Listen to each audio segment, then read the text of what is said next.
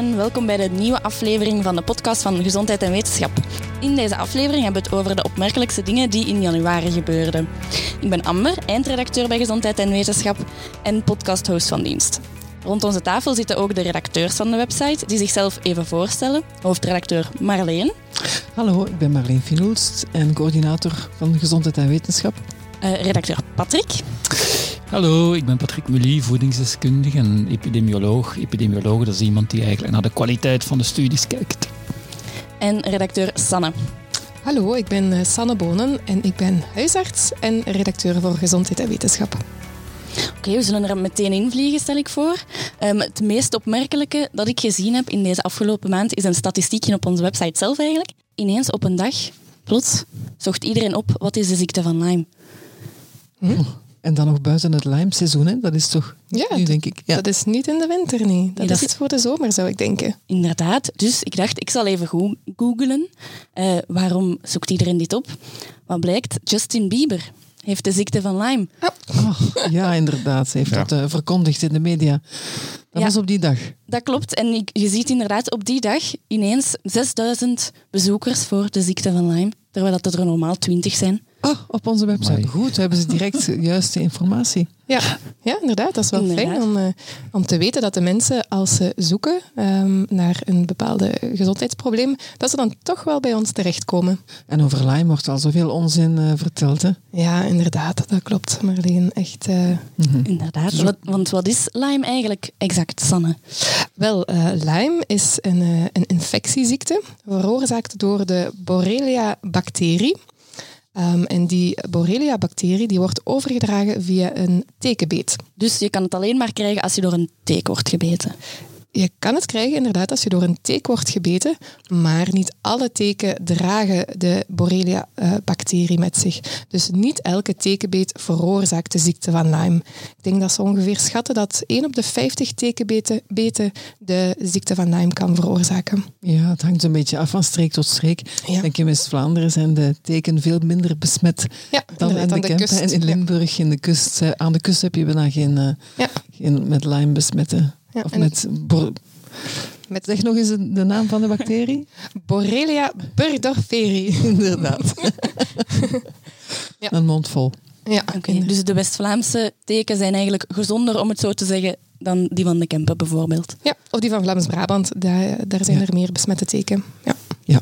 Dus in die bossen, in de regio's Vlaams-Brabant en in Limburg, moet je meer opletten voor de teken. Okay. Ja, en natuurlijk zijn er ook wel minder bossen aan de kust. is, is de besmetting onmiddellijk? Je hebt een teek en is het onmiddellijk uh, besmetting? Of duurt het een tijdje voordat de bacterie zich ontwikkelt?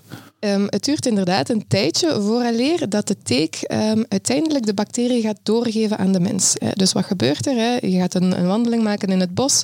Um, die teken bevinden zich op, op bladeren, op graspieten, in het hoge gras. En als je daar langs wandelt en die zien een goede prooi, gaan die teken zich loslaten en zich op je lichaam vastzuigen. Uh, maar het is pas na een tijdje, ongeveer na 24 uur, dat die teken zich volledig volgegeten hebben met ons bloed en dan gaan ze de bacterie doorgeven. Dus met andere woorden, als je op tijd ontdekt dat je een tekenbeet hebt en je die op tijd verwijdert, die teek, dan is de kans op besmetting veel kleiner. Ja, daarom altijd goed controleren op tekenbeten. En ik heb zelf enkele jaren geleden de ziekte van Lyme gehad, een besmette teek. En je ziet dat dan wel, want je krijgt, ik had de teken eigenlijk niet, niet gezien en ik ga nogal veel uh, lopen in de bossen, in de Kempen. En uh, een besmette teek, ik zag een grote rode ring op mijn huid. Dus een, uh, dat is een typisch uh, letsel van een besmette teken. Ja, inderdaad. En dan heb je nog eigenlijk een paar weken de tijd om het antibiotica te nemen. En dan ben je ja, absoluut, genezen. Hè. Er wordt veel te veel men is veel te bang daar, of te snel angstig daarvoor. Ja, inderdaad. Goed is... controleren is eigenlijk ja. voldoende. Ja. En het is zeker niet zo dat iedereen met een tekenbeet onmiddellijk antibiotica nodig heeft. Het is inderdaad zo dat um, het eerste verschijnsel is vaak zo'n een, een rode huiduitslag, uh, zoals je beschrijft. Een beetje als een schietschijf, die dan steeds groter wordt en die meestal pas na een aantal dagen, een week of zelfs na een aantal maanden verschijnt. Mm -hmm. um, en het is pas dan dat we um, besluiten dat de ziekte van Lyme doorgegeven is. Ja.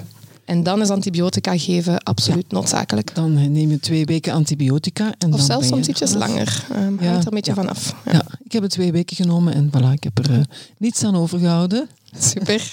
Dus het is geen ongeneeslijke ziekte, zoals ze soms zeggen. Nee, Nee, absoluut, absoluut niet, niet. Absoluut niet. Maar je hebt er verschillende stadia in. Hè. Je hebt een, een stadium ehm, dat ook de gewrichten aangetast worden. Dat is het, sta- het tweede stadium, denk ik, hè, Ja, van soms beschrijven ze het als eh, drie stadia. Soms is het een vroeg stadium en een laat stadium. Het vroege stadium is meestal eh, de huiduitslag.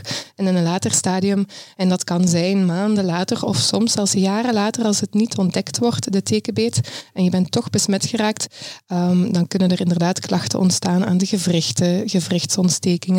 En ehm, het kan ook aantasting zijn van het zenuwstelsel en van Ja. de hersenen. En dat is Ja. natuurlijk iets helemaal anders. Maar ook dat ehm, valt nog steeds te behandelen met antibiotica.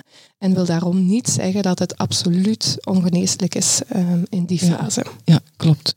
Er is heel wat verwarring rond, want men, een aantal chronische klachten noemt men gemakkelijk chronische. Lyme. Maar Ja. eigenlijk is dat vaak, heeft dat vaak niks met Nee, inderdaad. Lyme te maken. Hè. Nee, die chronische klachten zijn vaak ook vaag en, en men gaat natuurlijk proberen te zoeken naar de oorzaak daarvan. En ehm, aangezien dat de klachten bij de ziekte van Lyme ook soms heel vaag zijn, eh, wordt het daar dan soms wel aan gelinkt. Maar eigenlijk is dat nooit wetenschappelijk aangetoond dat de ziekte van Lyme effectief een, een chronische vorm heeft. Mhm. En heel dat gedoe rond Lyme, dat ver- verklaart waarschijnlijk waarom Justin Bieber, die met dat nieuws eh, daarmee afkwam, dat dat plots een... eh, Ja, een overrompeling bezoek. van onze website was. Het BV-effect. Ja, inderdaad. Hij zei er zelfs bij van... eh, ik krijg heel veel commentaar ehm, dat ik drugs zou gebruiken omdat ik er zo slecht uitzie. Maar dat komt door die ziekte van Lyme. Klopt dat? Zie je er heel slecht uit als je de ziekte van Lyme hebt? Ja, inderdaad. In het eerste stadium, los van de huiduitslag, zijn er ook wel typische wat griepachtige verschijnselen. Ehm, net alsof je griep hebt, maar dan zonder de griep natuurlijk. Ehm, ehm, je kan vermoeid geraken, kan inderdaad bleek zien, ehm, je minder goed voelen. Dat hoort er allemaal bij. Ja, eh, ik denk daarmee kunnen we dat onderwerp even afronden. Wat dat ik nog had gezien, dat was meer in het begin van de maand, eh, was er een artikel gekomen op onze website. Patrick, je had al geschreven Ja. over melk. Ja.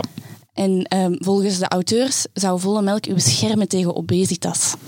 Ja, dat is weer al zo'n verhaal. Dus ai, om te starten, melk. Je kan gezond leven met melk, maar je kan ook gezond leven zonder melk. En dat is wel belangrijk, want die melklobby die probeert natuurlijk ons allemaal wijs te maken dat je alleen gezond kan leven met melk, terwijl de meerderheid op de wereld geen melk kan verdragen.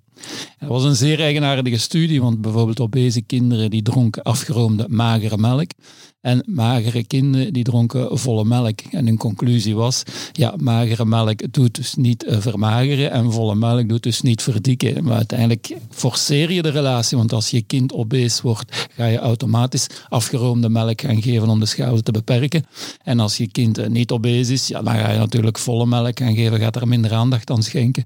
Dus dat is zo weer al een studie die dan weer al gesponsord werd door de melklobby en die niet veel waard is uiteindelijk. Ja, het was ook straf hoe dat het in, in een aantal media kwam. Ik heb gezien van om eh, te vermageren moeten eh, kinderen volle melk drinken. Ja, hè? ja, En zo ja. stond het in een Dus helemaal omgekeerd Helemaal, eigenlijk plots. Ja, iets wat, wat je gezond verstand al zegt van hier kan iets niet kloppen. En Patrick heeft dat inderdaad goed geanalyseerd. Het was weer zo een verband, maar geen oorzaak-gevolgrelatie.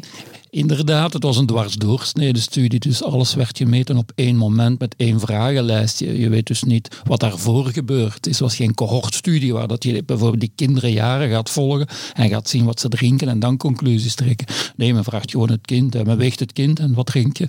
En daar trekt men conclusies uit. En dat is typisch, de melklobby zal nooit geen studies vervalsen, maar ze zal wel de meest opportunistische wijze gebruiken om iets aan te tonen dat hen goed uitkomt. Ja, en van die melklobby gesproken had je ook niet gevonden dat dat gesponsord werd effectief of dat tijdschrift toch door de Canadese melkindustrie, Inderdaad. zuivelindustrie. Zo Inderdaad, dat werd Ja. zeer zwaar gesponsord. Je kunt je soms afvragen waarom is die melklobby zo sterk. Ik heb me dat lang afgevraagd. Dat is omdat natuurlijk ieder, elke boer verkoopt hetzelfde product, melk. De bierlobby is veel minder sterk, want ja, je hebt pilsbier, je hebt trappisbier, daar is concurrentie intern. Maar die melklobby, ja, dat is, dat is één, éénzelfde product. Dus die hebben Melk één sterke lobby. Ja. Ja. Ja, ja. Nu mogen we het kind niet met het badwater weggooien of met de melk. Melk is natuurlijk wel een gezond product. Ehm Absoluut. Bevat veel, calcium, vitamine, belangrijke eiwitten. de, de, ik denk dat voor de kinderen met over een gewichtsprobleem, dat toch best uh, de magere variant ja, natuurlijk. Het is, Mager of halfvolle melk. Het is een goed voedingsmiddel, daar is niks verkeerd aan. Maar ik denk dat die uh, pro-melklobby meer, meer uh, schade toebrengt aan het imago van melk dan iets anders door dergelijke techniek te gaan gebruiken. Vroeger werd nog gezegd, hè, toen wij jong waren, Patrick, melk is goed voor elk. dat doen we nu niet meer. Hè? Ja. Drink melk voor later. Een campagne van enkele jaren geleden. Herinner u nog die dame, die oudere dame die dat grasmachine probeerde op te heffen? Nee, op te tillen? Ja, ja. Je had ook de melkbrigade vroeger en ja. uh, melk en melk en mol, maar dat waren ook andere tijden waar er minder obese kinderen waren, uh, waar er minder gesnoept werd, minder tussenmaaltijden. Dat waren helemaal andere tijden. Vandaag de dag zitten we toch met 115.000 obese kinderen. En daar moeten we toch wel eens aan denken hoe dat we dat gaan, gaan aanpakken op termijn. Ja, is melk wel goed voor elk? Want ik lees dan ook dat bijvoorbeeld in Canada um, de zuivel uit de voedingsdriehoek is gehaald. Wetenschappers zeggen, het is niet belangrijk genoeg om in de voedingsdriehoek te zitten. Wel, je zit met een dubbel probleem. Hè. Enerzijds, in melk zitten toch ook wel verzadigde vetten. Ja, verzadigde vetten, hart- en vaatziekten, dat is toch nog een groot vraagteken waar we toch definitief antwoord nog niet op hebben. Uh, ten tweede, ja, in melk zit ook veel calorieën, energieën. In volle melk bevat meer calorieën dan Coca-Cola. Uh, dus men is daar toch wel een beetje voorzichtig mee. En een deel van de bevolking verdraagt gewoon geen melk. In België is dat ongeveer 15%, krijgt gewoon diarree van melk. Dus ja, als je zo'n aanbeveling doet voor de bevolking, moet dat eigenlijk toch wel voor iedereen zijn en niet voor een deel dat het verdraagt. Nu, het is natuurlijk meer dan calorieën. We mogen melk niet zo vergelijken met Coca-Cola, uiteraard. Hè. uh, maar ik denk, het is nog altijd een gezond product. Je moet het goed kunnen verdragen. Je kan ook andere alternatieve yoghurt, uh, dat, dat is vaak, wordt vaak beter verdragen voor mensen die lactose-intolerant zijn. Die kunnen dan yoghurt gebruiken. Zijn toch, Inderdaad. Uh, Allee, dat zijn andere middelen en andere mogelijkheden. Er zijn ook plantaardige melksoort of dranken. Ik mag niet melk zeggen. Mm -hmm. Het zijn plantaardige dranken die eigenlijk ook interessant zijn, die verrijkt zijn bij calcium en zo verder en zo verder. Maar uh, uiteindelijk moet je toch wel rekening mee houden dat een deel van de bevolking dat niet verdraagt, die melk, die koemelk. Ja, en Patrick, over die plantaardige melk, ik denk inderdaad dat er goede alternatieven zijn, maar het volledig vervangen van de melk, bijvoorbeeld bij zuigelingen of, of kleine kinderen, kan toch ook gevaarlijk zijn? Want bijvoorbeeld rijstmelk of um, wat is een amandelmelk, daar zitten toch bijna geen eiwitten in? Er zitten plantaardige eiwitten in die natuurlijk minder hoogwaardig, biologisch hoogwaardig zijn dan, dan dierlijke eiwitten. En ik heb het hier enkel en alleen over kinderen vanaf 4, 5, 6 jaar. Daarvoor zijn heel andere spelregels ja. Eh, die je natuurlijk absoluut moet respecteren. Ja, want herinner u, enkele jaren geleden is er een kindje overleden in een Gasthuisberg, ja. denk ik omdat de ouders gaven het amandelmelk met het idee, dit is melk, maar dat is geen melk. Hè? Nee, er is ook, zijn ook stemmen opgegaan om, om het niet langer melk te noemen, die plantaardige Inderdaad. melken. Dat is een beetje verwarrend voor de consument. En dat kindje is overleden, waaraan ja, dan? Ondervoeding. Ondervoeding, ja. Amai. Goed bedoelde ouders, maar ja. Uh, ja. Dat gebeurt in Engeland. Zijn er ook een aantal gevallen geweest. Ook zelfs veroordelingen voor uh, kindermishandeling. Omdat het kind niet de voeding kreeg die het eigenlijk nodig had. Dus we hebben het hier echt over uh, jongeren vanaf vier, vijf jaar en niet over uh, zuigelingen en zo verder. Daar zijn toch wel andere spelregels. Want als je daar een fout doet, dan weegt dat zwaar door natuurlijk. Want het mm. kind drinkt of eet bijna niets anders. Ja, inderdaad. Ja. En zo die, die melklobby die studies betaalt, komt dat veel voor in de medische wereld? Wel, als een lobby sterk genoeg is, kan die zelfs eigen tijdschriften uitgeven en eigen verenigingen uh, om de informatie te verspreiden naar, naar de patiënten. Ja, het, waar geld is, uh, zijn er lobby's en waar lobby's is er. Ik zal niet zeggen, die vervalsen geen studie, dat zou idioot zijn en dom zijn, maar die zullen natuurlijk uh, enkel dat laten zien wat hen goed uitkomt en studies die hen niet goed uitkomen, ja, die verdwijnen in de vuilbak. Dat is geen wetenschappelijke houding. Ja, we zien dat heel vaak ook bij supplementen. Hè? Studies met voeding rond voedingssupplementen. Dat er heel wat uh, lobbywerk ja. achter zit. Ja, gebruiken ze natuurlijk ook de, de meest... De, de, studie die het beste uitkomt, zullen ze daar gebruiken. En ja. die die hen niet goed uitkomt, ja, die moet je zelf gaan zoeken op internet. Zelfs 40 euro betalen om de volledige studie te krijgen. En de positieve studie krijg je gratis in het Nederlands in je brievenbus. Ja. ja. en ook van die studies uh, verschijnen er artikelen in onze media, denk ik. Al die andere, die zullen nooit onze media halen. Nee, inderdaad. Want die mensen zijn ook gemotiveerd om uh, overal een mailing te doen naar alle kranten en weet ik veel. Dus ja, inderdaad. Het heeft u, wij noemen dat een publication bias. Sommige studies zijn toegankelijker dan anderen en zijn meestal positieve studies voor de firma. Die zijn veel toegankelijker dan negatieve studies, uiteraard. Oké. Okay. Um, voor het volgende onderwerp denk ik dat iedereen daar tegenwoordig mee bezig is. Het was eigenlijk al uh, eind december vorig jaar begonnen, maar nu komt het heel veel in het nieuws, het coronavirus. Ja. ja. Is dat eigenlijk juist het coronavirus? Het coronavirus, wel, er is een hele familie coronavirussen. En uh, die, dat zijn eigenlijk de gewone banale verkoudheidsvirussen. Hè. Als uh, ja. verkoudheid opdoet, dat is altijd een coronavirus. Maar om de aantal enkele decennia duikt er een gevaarlijke variant op meestal in Azië. Je begint daar. Waarom? Daar heb je zo de markten waar dier en mens heel nauw samen met elkaar in contact zijn. Dan zijn er, zijn regelmatig mutanten. Een virus verandert voortdurend. Er ontstaan mutaties. En af en toe is zo'n mutatie niet, veroorzaakt niet zomaar een banale verkoudheid, maar een ernstige longinfectie zoals in dit geval. Ah, je spreekt van een gevaarlijke variant. Is het echt gevaarlijke variant, deze variant? Wel, er zijn er al gevaarlijke geweest, gevaarlijkere geweest. Hè. We hebben SARS gehad, 2003, 2002, 2003 was het SARS-virus, ook een coronavirus. Uh, toen ook veel mensen in quarantaine, in Singapore vooral, zo verder. Dan hebben we daarna MERS gehad. MERS, ook een coronavirus. Ik denk een, uh, toch ook enkele honderden mensen overleden. Nu, het huidige, het heeft toch een wetenschappelijke naam, nog niet zo'n uh, afkorting die je vlot uh, kan onthouden. Ik toch al niet. Maar uh, dat blijkt minder ernstig dan het SARS. Dat was toch dat was een, een ernstiger. En ik denk, eigenlijk hebben we ook een, een griepepidemie die eraan ja. komt. En dat zijn, maakt meer slachtoffers ja. dan, dan SARS. Dus weer een beetje een scheefgetrokken verhouding. Ja. Dus het is niet omdat het in het nieuws komt dat het eigenlijk veel dodelijker is dan andere ziektes die gewoon al bestaan. Nee, maar het verspreidt zich wel ongelooflijk snel. Dat maakt uh, wel bang, denk ik. Ja, hè? Het, maakt, het maakt de mensen bang. De miljoenenstad uh, Wuhan in uh, China, waar het ontstaan is, als je ziet hoe razendsnel het zich verspreidt, hoeveel mensen al besmet zijn, maar toch maar een heel klein percentage dat overlijdt eigenlijk. Mm -hmm. Dus het valt nog wel best mee. Maar die controles zijn wel heel belangrijk. Dat doet, doet men altijd. Men heeft daar een noodplan voor. Ook in België ligt een noodplan klaar. Als het hier zou opduiken, dan, dan wordt, weet men meteen wat men gaat doen.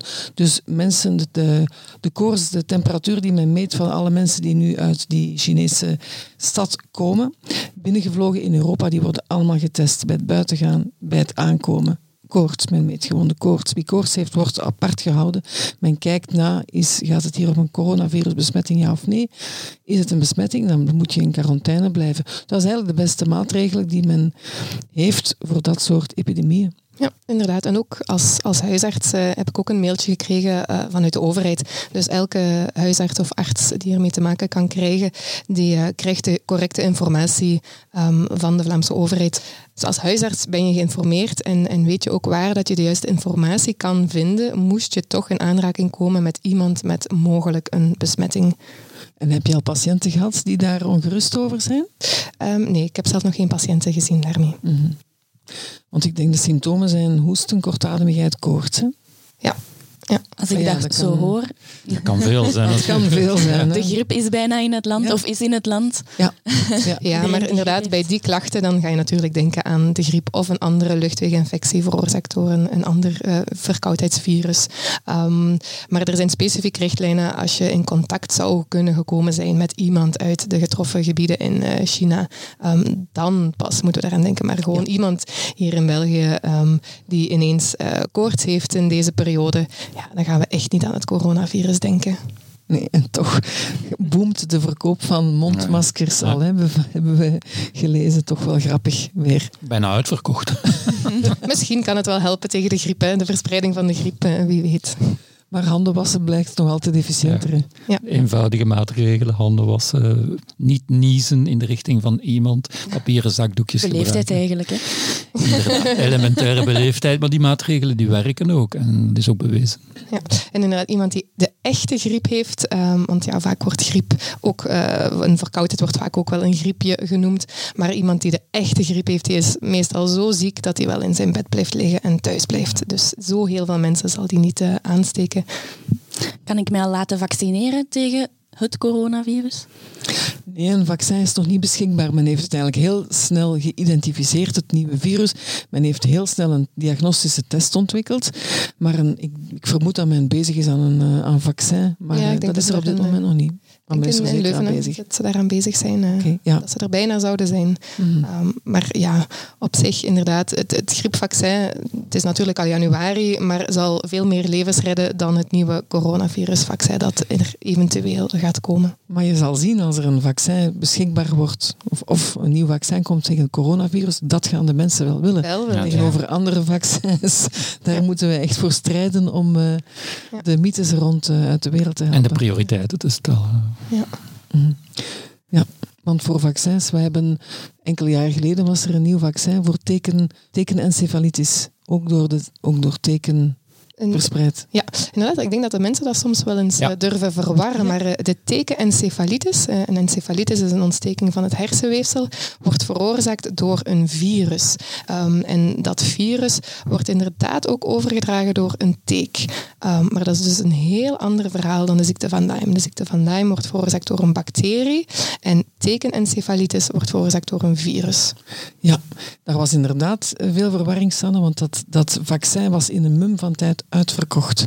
Dus men, had, men heeft een wachtlijst gehad van duizenden mensen in België, waar het amper voorkomt voor dat vaccin, omdat men de, de, het verband legde met de ziekte van Lyme en tekenen het onderscheid niet goed kent. Nee, inderdaad. Daar is het ook weer kwestie van raad te vragen aan de huisarts.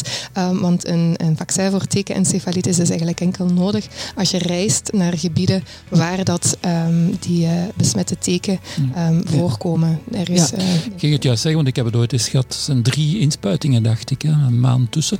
En ik ging naar Siberië. en toen, ja, naar Siberië. En toen was dat absoluut nodig, vereist. Omdat, uh... Ja, in bosrijke gebieden in uh, Centraal- en Oost-Europa, denk ik. Uh, Duitsland, denk ik ook wel. Dus er zijn ook wel landen dichterbij België. Um, Oost-Europa? Ja, Oost-Europa. Ja.